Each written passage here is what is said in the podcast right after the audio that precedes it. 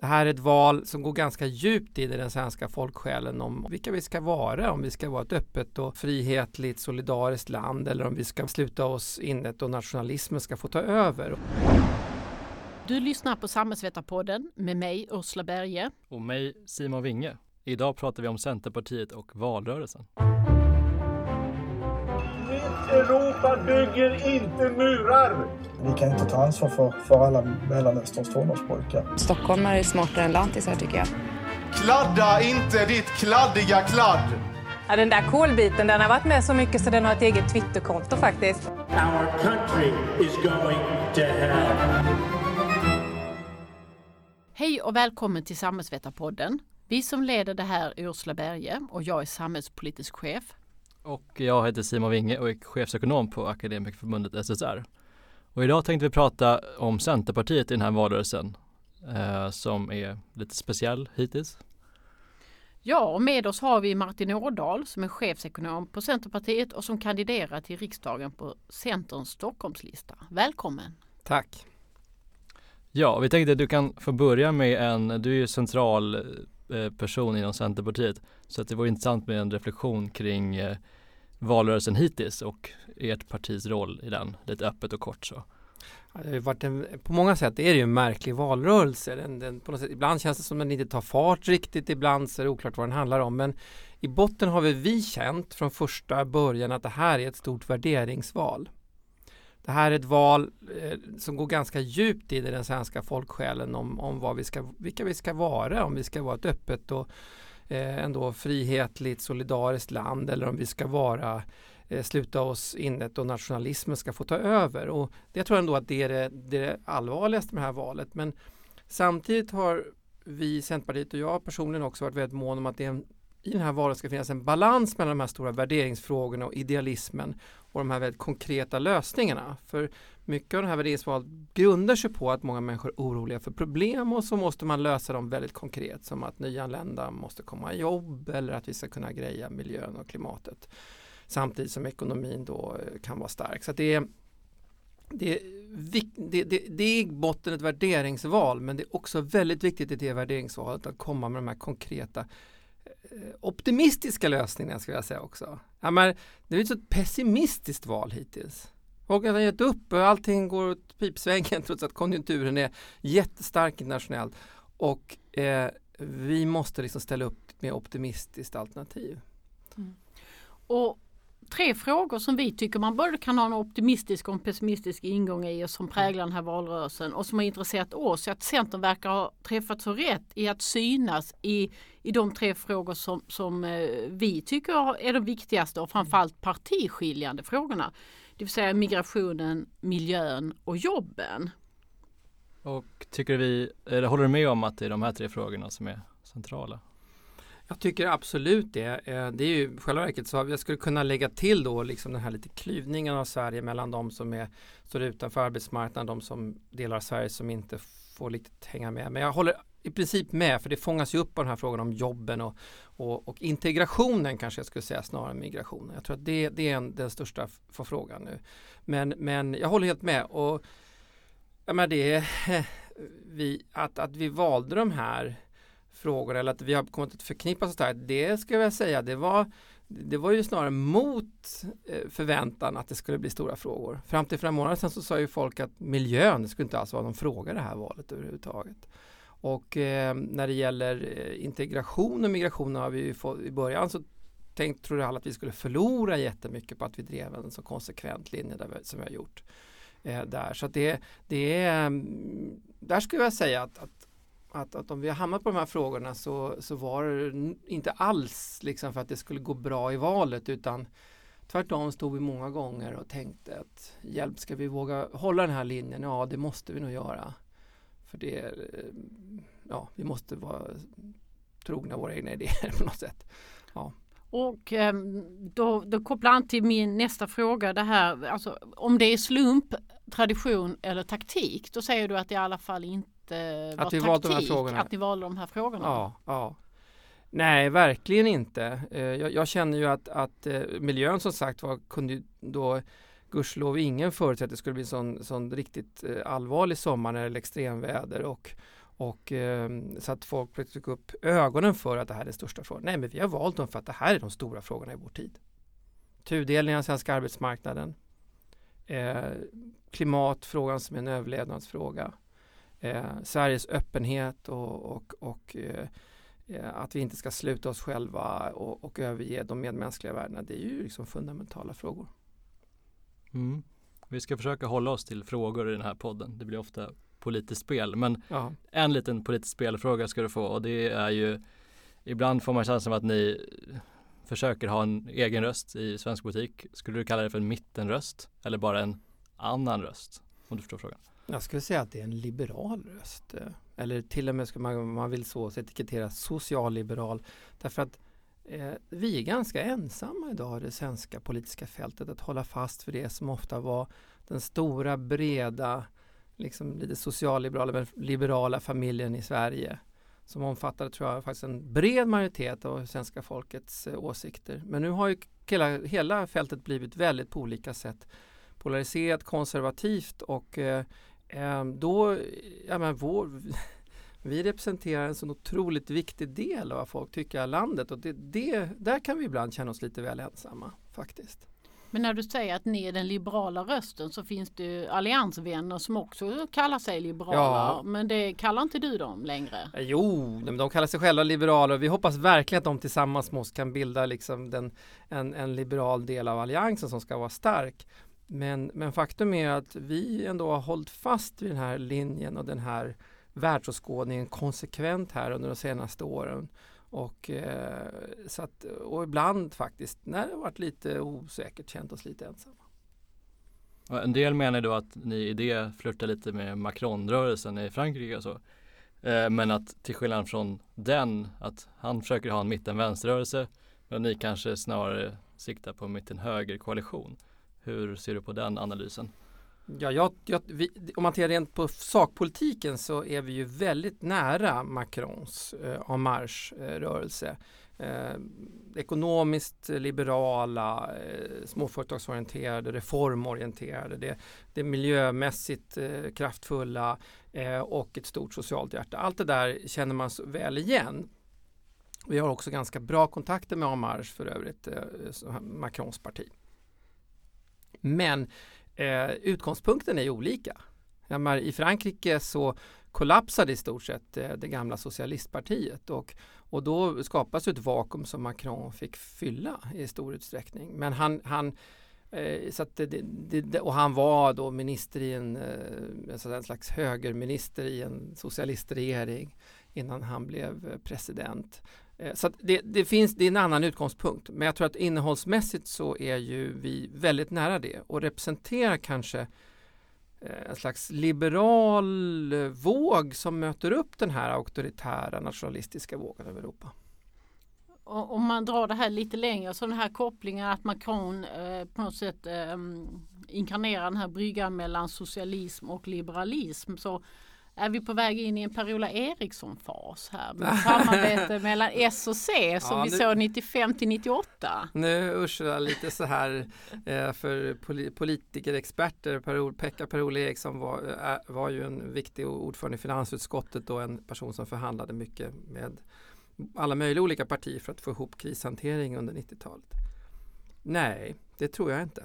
Därför att eh, eh, det här är ju en helt annan situation och en helt annan kamp. Och, eh, och jag tror också att alliansen som helhet har ju blivit en är ju det enda stora starka blocket. Så frågan är ju liksom hur vi som kraft i alliansen kan hitta bryggor över till andra partier i frågor där vi inte klarar oss själva. Det är den stora frågan. Alla då partier utom Sverigedemokraterna och skulle ändå lägga till Vänsterpartiet men det är nog ingen som förväntar sig. Ja, jag tänkte vi ska gå in och prata lite just om den specifika frågan migration. Fiskar vi igenom alla de här frågorna. Mm. Och där har ni som bekant tagit en väldigt specifik position som är väldigt generös. Eh, och ni är ju ensamma inom bland allianspartierna och så om den positionen. Eh, och vår, vi har ibland pratat om kopplingen mellan allmän välfärd och migration. Och där en, vissa menar att det är svårt att ha både och. En generös migration och en generös allmän välfärd. Eh, vad tycker du? Går det att förena de två? Nej, det håller jag faktiskt inte alls med om. Och eh, det finns ju många traditionella välfärdsnationer som Tyskland och Kanada som har accepterat och har haft en stor eh, flyktingmigration. Men det som inte fungerar rent ekonomiskt, medmänskligt så klarar vi av mycket mer naturligtvis menar, än, än vi, vi, skulle kunna klara av mera. Men om man nu vill lyckas med det här, det som, så det som inte fungerar är att eh, inte få de nyanlända i arbete utan människor som kommer hit med stor vilja. Vi ser i mätningen att 90-95 procent står till arbetsmarknadens förfogande, så de söker aktivt jobb. Eh, att man inte ger dem möjlighet att jobba. Och det, då, då, då, då, då går det inte ihop. Eh, däremot så, så, så tror jag inte att man på något sätt måste på något vis montera ner välfärdsstaten, snarare tvärtom. Vi har hundratusentals, vissa hävdar över 300 000 vakanser snart i offentlig sektor. Och mycket handlar verkligen om händer och fötter, det handlar om olika vårdbiträden och liknande som, och, och som behöver, man behöver liksom bara konkret hjälp från människor. Och det kan vi ju inte fylla om inte vi får nya människor in i jobb nu. Och då, så det, jag, jag, tycker inte alls att det finns ett sådant motsatsförhållande. Och det här är lite tyvärr en drömdebatt för nyliberalen, säg Johan Norberg och eh, ehm, eh, gammelmarxisten, nej men, eh, men säg Göran Greider. De, de skulle tycka det är jättekul att debattera så här, att det, det handlar om de här två sakerna. Jag tror att realiteten är att får vi alla de här nyanlända in i jobb, då har vi ett kanonläge för svensk välfärd Eh, i meningen att vi får få arbetskraft och vi får in eh, någon storleksordning, vi har räknat på det här 30, drygt 30 miljarder in i välfärdens finansiering och det är inte att ringakta. Vi som förbund har också drivit väldigt hårt det här att det här är en enorm tillgång för, för Sverige, inte minst att få in akademiker i, i, i, rätt jobb. Men det du beskriver nu, och den minnesgode kanske kommer ihåg hur, hur Centerpartiet en gång hade konvulsioner runt eh, Sjöbopartiet, en ganska, eh, ska säga, icke speciellt invandringspositiv rörelse som sen blev ett Sjöboparti och bröt sig ur eh, Centerpartiet. Hur, hur gjorde ni den här resan från då tills idag, rent ideologiskt? Ja, man får komma ihåg ändå att när Sjöbopartiet härjade, nu har ju tiderna förändras i Sjöbo, men när de härjade på den tiden, då sa ju Centerpartiet väldigt tydligt på central nivå och den dåvarande partiledaren nej och till slut blev folk uteslutna. Så det var aldrig så att det var någon slags flörtande med de här rörelserna, men du har rätt i att det har ju skett en slags, och jag ska tillägga också att både Torbjörn Fälldin, Karin Söder, Maud Olofsson i, i närtid haft, och Lennart Daléus eh, har haft väldigt, väldigt tydlig eh, markering mot all form av främlingsfientlighet och faktiskt inte varit för stängda gränser, någon av dem. Det sagt så har det ju skett en resa nu och den tror jag kom, det varit en, Centerpartiet har haft en lång idédebatt som har varit över decennier. Just därför att vi inte har eh, i början varit så väldigt inordnade i någon slags traditionell eh, ideologisk debatt så vi har diskuterat väldigt på djupet och mynnat ut i olika idéprogram. Och när då den här nya auktoritära vågen kommer var vi ganska väl förberedda och hade tänkt igenom våra positioner ordentligt. Eh, både praktiskt vad man ska göra för att få nyanlända jobb och ta emot på ett bra sätt men också ideologiskt vad liksom, gränserna går och hur, hur man ska tänka. Och, och, det hjälpte oss väldigt mycket när dels den auktoritära vågen kom och dels när vi hade en, en väldigt speciell situation hösten 2015. När skulle du säga att den här ideologiska förändringen kom? Jag tänkte på Maud Olofsson mm. var rätt tydlig i samband med östutvidgningen på det här att det ja. inte är en fråga om bidragsturism ja. och så vidare. Skulle du säga att den där ideologiska resan gjordes innan dess? Ja, redan innan det. Men den markeringen som ju också påminner lite om det som hände 2015-2016. Alla trodde ju då att Maud eh, Olofsson, Olofsson, när hon sa det här om att vi skulle inte stoppa alla som då just hade blivit medlemmar i EU från från, från Polen och Ungern och så här, komma hit och jobba, att de skulle få komma hit och jobba. Eh, att det skulle bli impopulärt men det visade sig att det var det inte alls. Det var, egentligen någonting som folk tyckte var ganska bra. Eh, och, och, och, och, vi trodde, alltså, jag, jag, jag pratat med Maud om det där men partiet trodde inte nödvändigtvis att det skulle vara populärt men det visade sig att det fanns en stark grundläggande inställning bland svenskarna att nej, man måste vara öppen mot världen och man, det här är någonting bra. Eh, och, eh, och på den vägen har det fortsatt. Ja, ja, ja, jag skulle säga att det här går långt tillbaka i tiden. Eh, men det har ju blivit synligt nu när det har svajat så mycket. Ja, för, Internationell politik och precis. svensk politik. För hur ser du då på den svenska debatten i den här frågan? För någonstans har ju alla partier, kanske utom Vänsterpartiet, eh, flyttat sig ganska mycket. Eh, men ni har inte det. Vad, hur förklar, är det det som är förklaringen då? Att ni tänkte före? Ja, och jag kan säga rent konkret, eh, det om någon är minnesgod på det, det är inte alla som följer partierna så noga, men redan före valet 2014 och även efter valet 2014 så la Centerpartiet väldigt många förslag om hur man skulle förbättra mottagandet. För det inte hade fungerat tillräckligt bra. Så vi hade, vi hade till och med någon slags peakförslag vid någon, någon stämma där vi la 18 olika förslag för att förbättra migrationen. Och media var måttligt intresserade och sådär. Men, men när sen den här migrationssituationen kom 2015, väldigt många människor kom på samma gång, så hade vi en väldigt klar idé hur vi skulle kunna sköta det här mycket bättre än vad som blev fallet. Och inte hamna i det här som folk upplevde lite kaosartade läget. Och hur vi skulle kunna göra det här på ett strukturerat och bra sätt och också då få in folk snabbare i jobb. Så att vi, jag tror att vi var varken praktiskt hade någon panik eller ideologiskt hade någon panik. Eh, och, och, det, och det bidrog jättemycket till att vi kunde stå upp när det blåste. Sedan 2015 har ni profilerat er i flera frågor som rör asylrätten och det ena handlar ju om familjeåterföreningen och det andra handlar om ensamkommande unga som var en väldigt stor fråga nu det senaste året. Samtidigt om man läser er budgetmotion så lägger ni inte mer pengar på det här än vad Moderaterna gör. Ni har väldigt stram ekonomisk politik kopplat till det. Hur hänger det här ihop? Nej men det är ju inte, man mäter ju inte solidaritet med de som kommer hit i att man öser massa ineffektiva bidrag på folk. Eh, vi, när det gäller de välfärdsförmåner som de nyanlända får så har vi bara tänkt så här att vi kan inte ha som det var förut att folk som kommer hit ska få retroaktivt som om de hade varit i Sverige ett antal år samma förmånsnivå. Utan vi tänker att man, man börjar från grundnivån och så får man arbeta sig upp genom att arbeta. Så där har vi gjort en del besparingar men det tycker inte jag är så himla radikalt faktiskt. Och i synnerhet de som kommer nyanlända har inte bett om det heller att få de här extra pluspengarna utan så där, ja, där är vi liksom lite återhållsamma när det gäller det. Att man får arbeta sig till de förmånerna. Men, men, men det är alltså besparingarna har ju gjort, gjort så jättetokiga saker. Vi har haft 17-18-åringar som är placerat på HVB-hem då med väldigt speciella regler för personer med Eh, allvarligt missbruk, eh, haft, som haft svåra problem eh, och istället för att sätta dem på familjehem som kanske hade fungerat bättre eller på, på, på andra typer av boenden. Och gradvis har ju alla andra sett de här behoven av att göra det mera, mera smart, mer effektivt.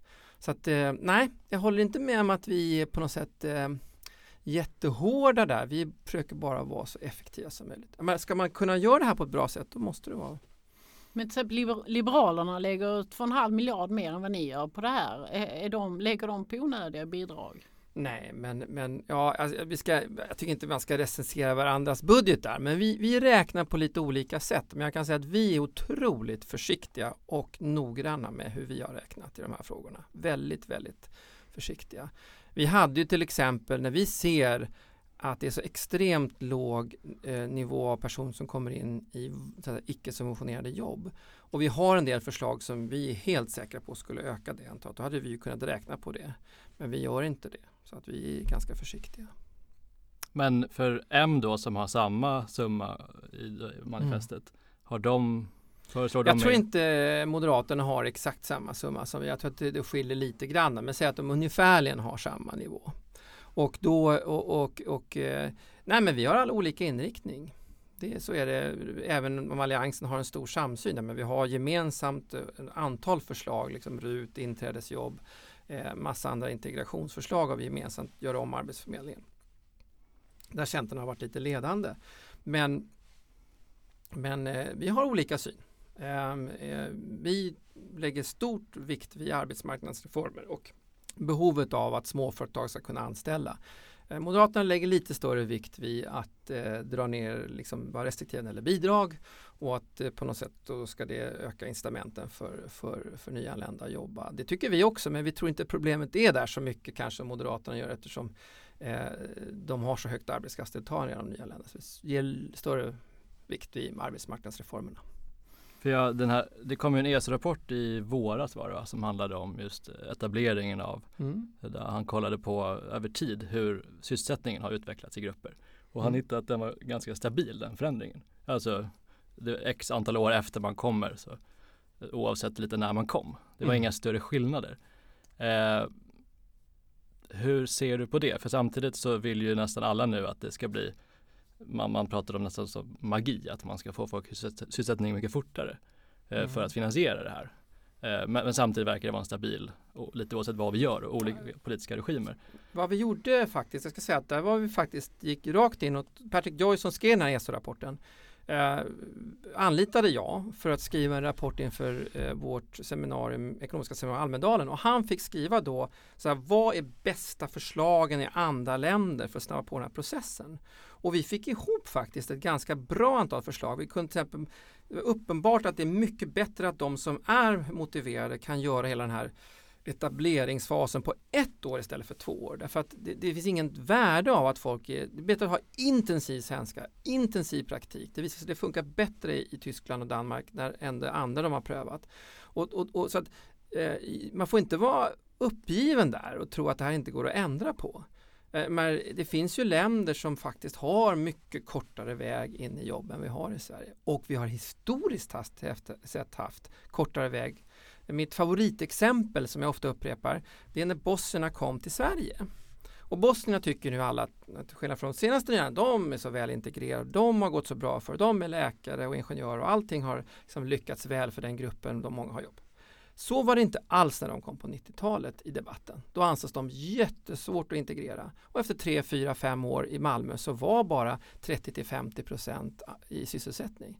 Men då, mitt favoritexempel är att redan då så var det i- nere i Småland i Annie Lööfs hemtrakter i Värnamo, Vaggeryd, Gnosjö och Gislaved så att 90% hade jobb efter tre år, högre än snittet i Sverige på grund av att man hade gjort mycket smartare saker där i mottagandet. Så att omöjligt är det inte. Jag förstår att det finns en viss pessimism där men det, det, det, det ja, göra rätt saker. Mm. Eh, Jag tänkte vi skulle gå vidare och prata om Mm. miljön. Mm. Ehm, vi har pratat ganska mycket här om, det finns någon konflikt ändå mellan globalismen och miljön. Så jag Ja. tänkte fråga, börja med en sån knäckfråga. Å ena sidan så är det liksom lägre tullar, mer handel. Eh, och å andra sidan har man mycket nu, man ska äta svenskproducerat kött, det är gårdsförsäljning, har mycket fler parti. Eh, och att det är en av nycklarna.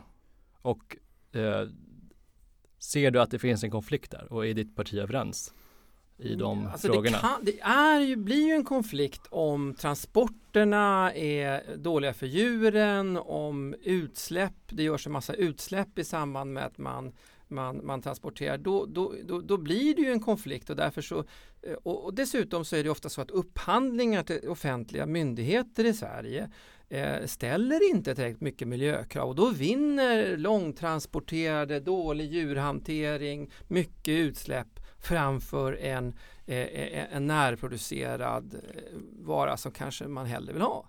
Eh, jag tycker det viktiga är att folk ska, det ska man ska som sagt vara inte om närproducerat är bättre så ska det synas. Ja. Och, eh, och, och, det, och, och på det sättet tycker jag att det går mycket väl att förena det. Jag ska lyfta en fråga, alltså, kanske man inte är otaktisk så här va? när man gör en podd, men en, en fråga som, som, eh, Eh, eh, som, som har använts mycket mot oss, nämligen det här med flyget. Eh, för där är ju ett problem. Men om, det går inte att åka tåg till Thailand. Eh, det går inte att åka tåg. Eh, det går att åka tåg till Mongoliet, tar lång tid, men det går inte att åka tåg till Filippinerna. Ändå så är det jättebra om folk åker till Brasilien, Thailand, Filippinerna, får möta människor på ett annat sätt, eh, uppleva eh, andra delar av världen direkt och att vi har mycket ekonomiskt utbyte. Eh, och därför så har vi ju insisterat på att det viktiga är ju inte bara att säga att vi ska minska allt flygande utan vi ska ställa om det till förnybart. I första skedet då till biobränsle, i framtiden kanske det går med el till och med, men i första skedet med, med biobränsle. Eh, och att man har det i tankarna. Eh, och det kommer inte lösa alla problem med, med, med flyget, men där är ett exempel som jag tycker mer direkt än närproducerad mat om hur globalisering och miljö möter varandra. Men då måste man ju hitta de smartaste sätten att göra det på. Men tolkar jag det rätt då som i upphandling? Mer kanske krav på miljö? Och, ja, ja, ja, ja. Och jag menar, där finns det också en efterfrågan. Men pratar du med Lantbrukarnas riksförbund, eh, LRF och, eh, och, och, och, och bönderna så, så, upplever de ju att det, de vill ju svara upp mot den här efterfrågan på jag vet varifrån kossan kommer, eller på att säga. Som, eh, eh, jag vet varifrån mjölken kommer. Det finns ett väldigt tryck i må, bland många konsumenter att få, få ha en mer nära relation till det. Och det har man ju rätt att välja då. Det måste ju vara möjligt att välja det. Det kan ju inte bara vara så eh, att det ska vara absolut lägsta pris som gäller. Va? Varför krav på svenskt kött till exempel är förbjudet i LOU vad jag förstår? Eh, att det ska vara bara svenskt kontra franskt eller svenskt kontra irländskt. Ja, det, det, EUs upphandlingsregler eh, sätter begränsningar för det. Eh, men det är ju vad det innehåller, vad det ger som är det viktiga. Inte, även om vi gärna vill tänka att det svenska är, har de här fördelarna så är det ju därför att det har de här fördelarna som det är bra att sätta den lilla svenska flaggan på det. Eh, inte bara för att den svenska flaggan finns där. Även om det är viktigt att våra bönder överlever den här konkurrensen eftersom vi satsar så hårt på miljö, hållbarhet och på ett närproducerat jordbruk i Sverige. Ni har varit kända som Alliansens gröna röst men nu blev ni eh, nyligen utmanade där Jan Björklund sa att Liberalerna var Alliansens grönaste röst och tyckte att ni sköt er i foten som var för eh, sänkt dieselskatt för bönder nu efter den här sommaren. Eh, vad är din kommentar på det? Ja, jag ler lite här, det ser inte folk som lyssnar på podden, men det är lite sådär att Jan Björklund har nu kommit in på ett par områden som han kanske inte alltid brukar vara på. Dels bondepolitik och dels eh, miljöfrågor. Och, eh, alla som vet är nere i verkligheten, alltså, jag är inte en av dem men jag har känner många som är det och som faktiskt har en traktor som går på diesel vet ju att idag är det jättesvårt att ställa om och det enda som händer om man lastar bön, liksom knäcker bönderna det är då att, att vi har en jättestor import på massa områden från andra länder, inte minst kött. Eh, och, och, och, och, från andra länder därför att de har lägre kostnader bara. Inte för att de är bättre på miljön eller någonting sånt. Och då, och, och då det tricket är ju att erbjuda bönderna någonting annat. Och det verkade Björklund ha förstått liksom principiellt, att de ska få biobränsle istället. Och det jobbar vi jättehårt med på massa olika sätt. Tricket är ju inte att säga att du får inte köra din traktor. Eller det, nu ska vi göra det så dyrt så du inte kör din traktor. Det funkar ju inte. Utan för de som är inne i den här verkligheten och förstår hur det fungerar så är det ingen lösning. Utan lösningen är ju att ha det här maximalt. Till och med Miljöpartiet som annars brukar gå åt oss hårt i alla de här frågorna. De har ju insett det där och, och säger faktiskt ungefär samma sak. Men hade ni inte kommit, kunnat komma på något smartare? Ja, men alltså det här, vi vill ju verkligen ställa om så fort som möjligt. Va? Eh, eh, hela den här eh, det, och, och, eh, och det är få saker som EUs jordbrukspolitik möjliggör för oss att minska kostnaden där det avviker mycket från andra länder och det här är en av dem. Så att det, därför är man tvungen att använda den. Men då måste man maximera stöd till omställningen. Ja, för om man ska vara lite elak nu då, så mm. ni är emot flygskatten, emot skatt på diesel och här i Stockholm så svängde ni just i frågan, eller just innan sommaren i frågan om östlig förbindelse, det vill säga ytterligare motorväg i Stockholmsregionen. Är er miljöpolitik giftfria förskolor och elbilar? Nej, oh hjälp! Om man ska vara elak som sagt. Nej, nej, du, får gärna vara elak, men man ska, men man ska då, jag tycker jag, vara rättvis och liksom. Absolut. Eh, så här grejen, vi har ju ett otroligt ambitiöst program där vi har då, som du säger, bara miljöbonus. Vi ska ställa om hela, hela bilflottan. Vi ska ställa om lastbilarna, så miljölastbilsbonus. Vi har en drivmedelsbonus som ska gå på bidrivmedel, de och traktorer och så vidare. Vi har en, en vi mot flygskatt, vi vill använda enda krona till att blanda in biobränsle i tanken istället för att få mycket mer klimateffekt.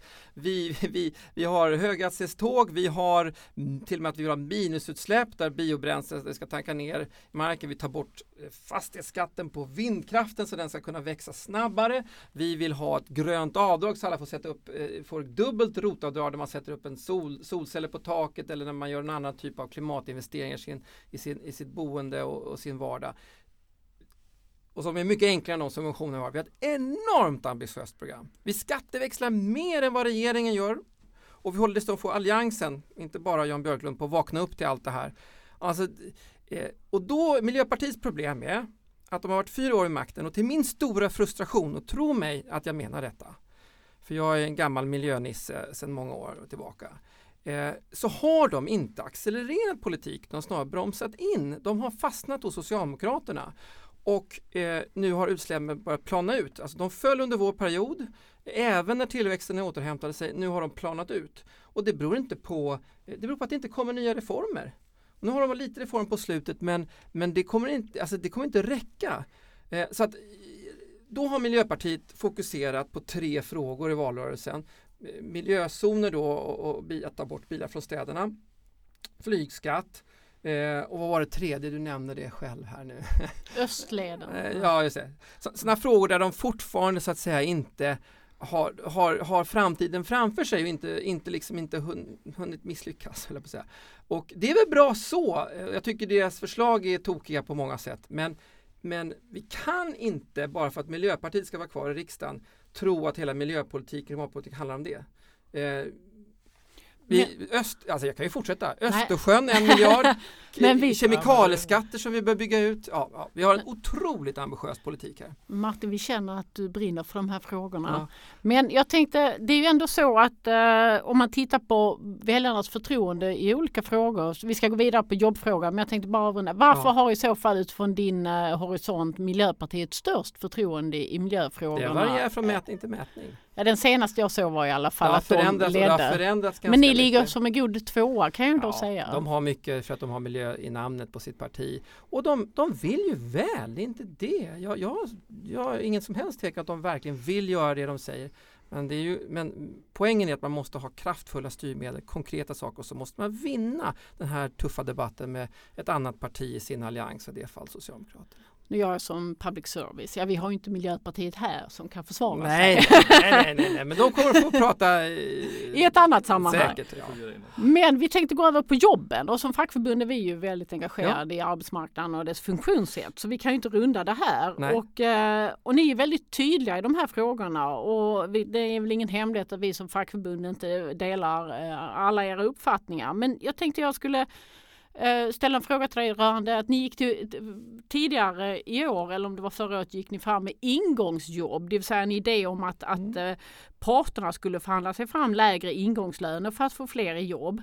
Men nu går ni tillsammans med Alliansen fram med inträdesjobb som är faktiskt lagstadgade löner på 75% av ingångslönen. Hur gjorde ni den resan rent eh, ideologiskt? Nej, men vi bara såg att vi hade ett, eh, ett krisläge på arbetsmarknaden där omkring 300 000 personer står helt utanför arbetsmarknaden och på toppen av högkonjunkturen och vi måste göra någonting och att facket och arbetsgivarna eh, att det kommer inte fram snabbt nog och det är risk att det gör det nu inte heller. Så vi är verkligen tvungna att hitta en väg in för alla de här nyanlända personerna och därför så har vi de här intresjobben. Det är fortfarande baserat på de ingångslöner som ni har förhandlat fram. Eh, nu är det ju för personer som inte, som inte har, eh, eh, har gymnasieexamen det här gäller. Så att det är ju knappast några av era medlemmar, blivande medlemmar berör. Men, men utan det är alla människor som står långt ifrån för att de inte har den grundläggande utbildningen. Men det var otroligt viktigt att de kommer in snabbt på arbetsmarknaden. Men en följdfråga på det. Eh, har ni tappat hoppet om parterna även efter att den här överenskommelsen om etableringsjobb kom? Alltså, eh, det var ju bra steg i rätt riktning, framförallt att man förstått problemet. Men det är för bråttom nu helt enkelt och det är för viktigt att vi verkligen får den här vägen in. Och nu, alltså risken är ju att det här blir som med de så kallade yrkesintroduktionsanställningarna som alla har glömt nu, YA-jobben. Som Alliansen försökte med men som liksom bara rann ut i sanden ut i, i hela förhandlingsmaskineriet. Eh, vi måste ha någonting som, som är snabbt och kraftfullt och som verkligen öppnar upp arbetsmarknaden. Och det är ju bara under de första åren ska man veta. Det är ju bara som en ingångsbrygga in de första åren för de nyanlända. Så att tyvärr, nej. Eh, och, eh, och så sagt var, men än en gång, det, det är ju inte så att vi vill att alla nyanlända ska få det här som sin första alternativ utan om man är arbetslös, lever på låga bidrag, då ska man ha en chans att få en högre lön som en ingång då, då eller ett inträde på arbetsmarknaden. Så det är inte, det är inte tanken att det ska vara första alternativet utan det, nej, eftersom det inte funkar så ska man ha den här öppningen också. Och det, förslaget vad det gör är att man går in och reglerar en liten del av arbetsmarknaden på Ja. ett speciellt sätt. Eh, som nu eh, hanteras av parterna. Ja. Och då är min fråga, tror du att man kan gå in och bara reglera en del utan att helheten påverkas? Jag tror att man behöver ha det här för de som står längst bort. För det är så enormt stor skillnad på insidan och utsidan. Och det är uppenbart att det inte kommer påverka resten. Det handlar bara om 75, alltså bara om en, en, en, en, en lägre, eh, en lägre in, version av ingångslönerna bara, inte om hela resten. Och vi har gjort studier som har blivit uppmärksammade bland i somras när vi hade ett seminarium om det som visar att i Danmark till exempel så när man öppnar upp arbetsmarknaden med lite lägre löner i början då dras inte resten av de resten av arbetsmarknaden ner utan tvärtom lyfts därför att när många människor kommer in för att man har råd att anställa dem då blir de som är, är, är där då de blir arbetsledare, de får utökade uppgifter och man får liksom högre ekonomisk aktivitet. Så det intressanta är att om något så lyfter resten av arbetsmarknaden här, inte, inte minskas. 275 000 nämnde du ska det beröra bara. Mm. Om man drar en parallell till strejkutredningen då, den berörde ju några hundra personer som, där man i praktiken ville inskränka strejkrätten för en väldigt liten grupp i jämförelse. Mm. Eh, det var ju en så stor, stort ingripande att alla tjänsteman och akademikerfack gick ut och eh, rasade i princip för en betydligt mindre grupp.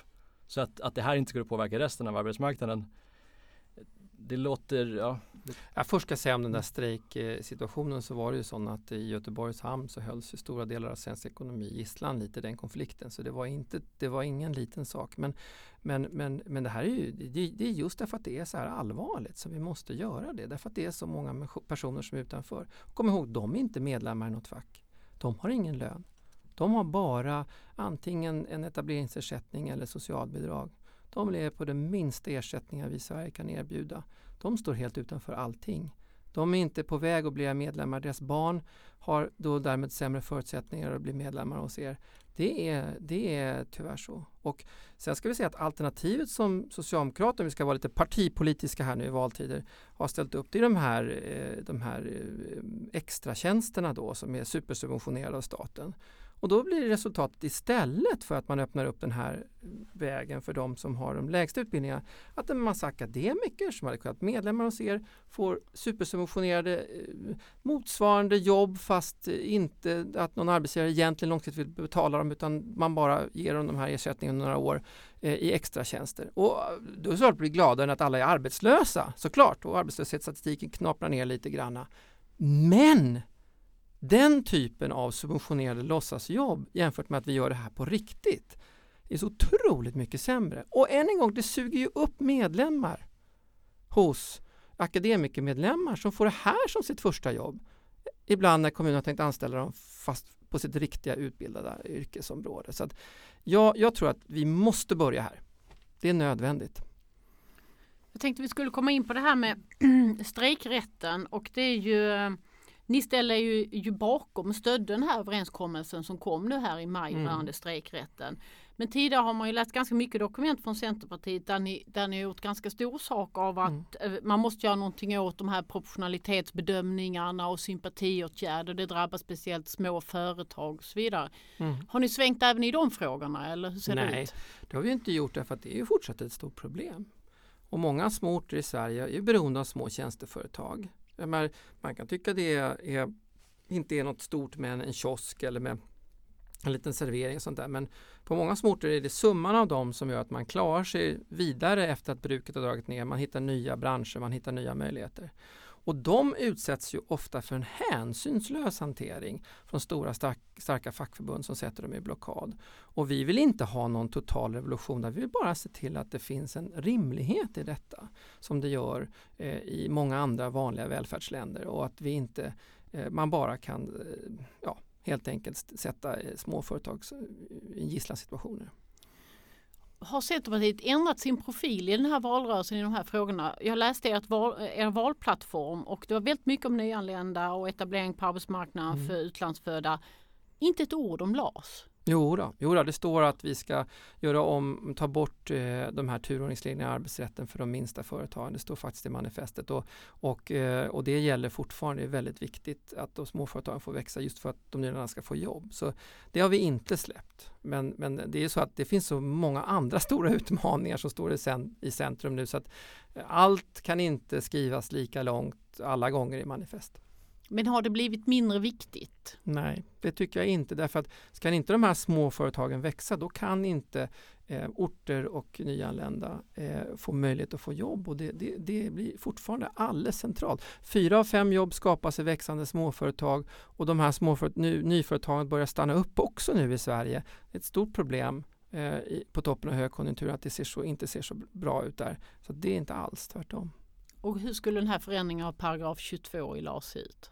Om ni fick bestämma. Vi vill ju inte bara göra en ändring i en enda paragraf. Vi vill ha en dansk motsvarighet modell där man har en stark omställning, ett väldigt starkt paket, till exempel för akademiker där man kan vidareutbilda sig, gå vidare på universitetet, eh, högt upp i åldrarna och hela tiden kunna få bygga på sin kompetens i utbyte mot att de här reglerna om den som har, den som har varit längst på jobbet eh, kommer alltid först då i de här förhandlingarna Regler som ändå alltid förhandlas bort, det säger ju facket själva. Som en slags eh, bara grus i maskineriet för att facket ska kunna få rätt att få starka omställningspaket i andra ändan som ska ge till sina medlemmar. Då Och bättre, arbetsgivarna säger också det. ja, då är det bättre att ge de här omställningspaketen rakt i handen och garantera dem åt medlemmarna hos facket att, att man kan diskutera innehållet och förhandla om det istället för att slänga massa grus i maskineriet som gör osäkerhet att man inte anställer personer som är utanför arbetsmarknaden på fastanställningar utan gör den här reformen.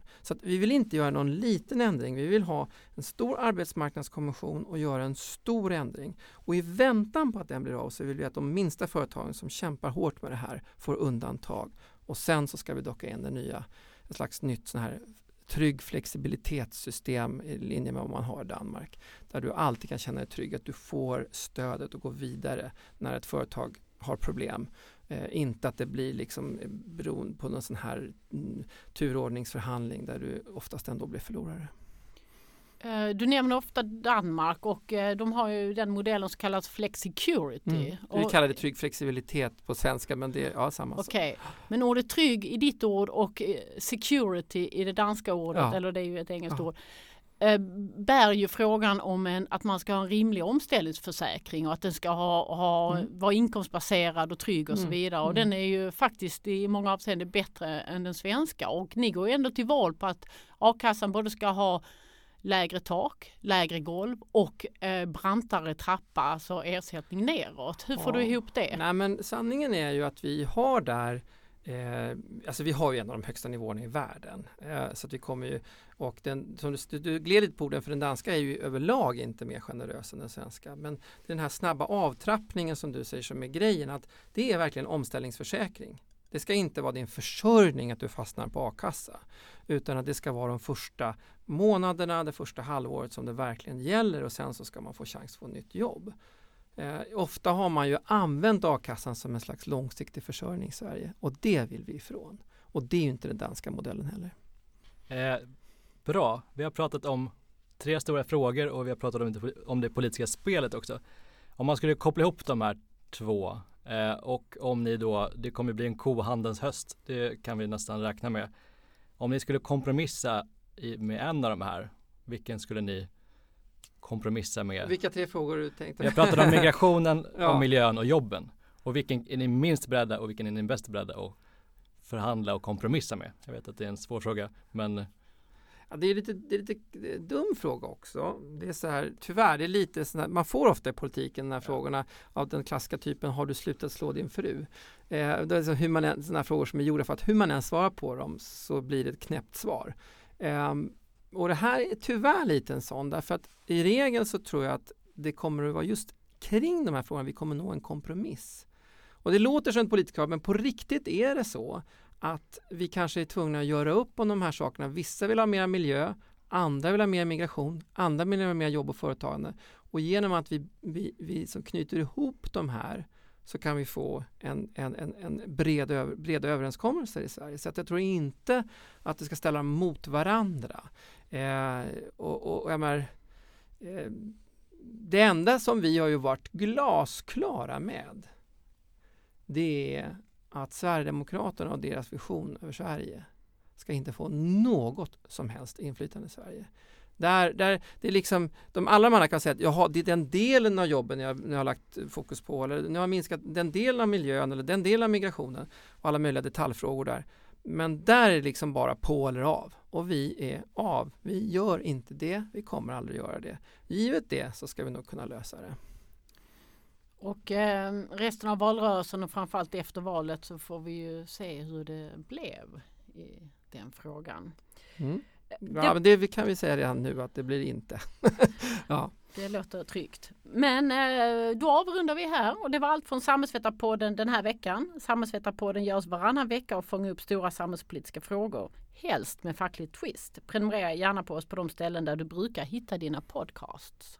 Samhällsvetarpodden görs av Akademikerförbundet SSR, Sveriges ledande samhällsvetarförbund.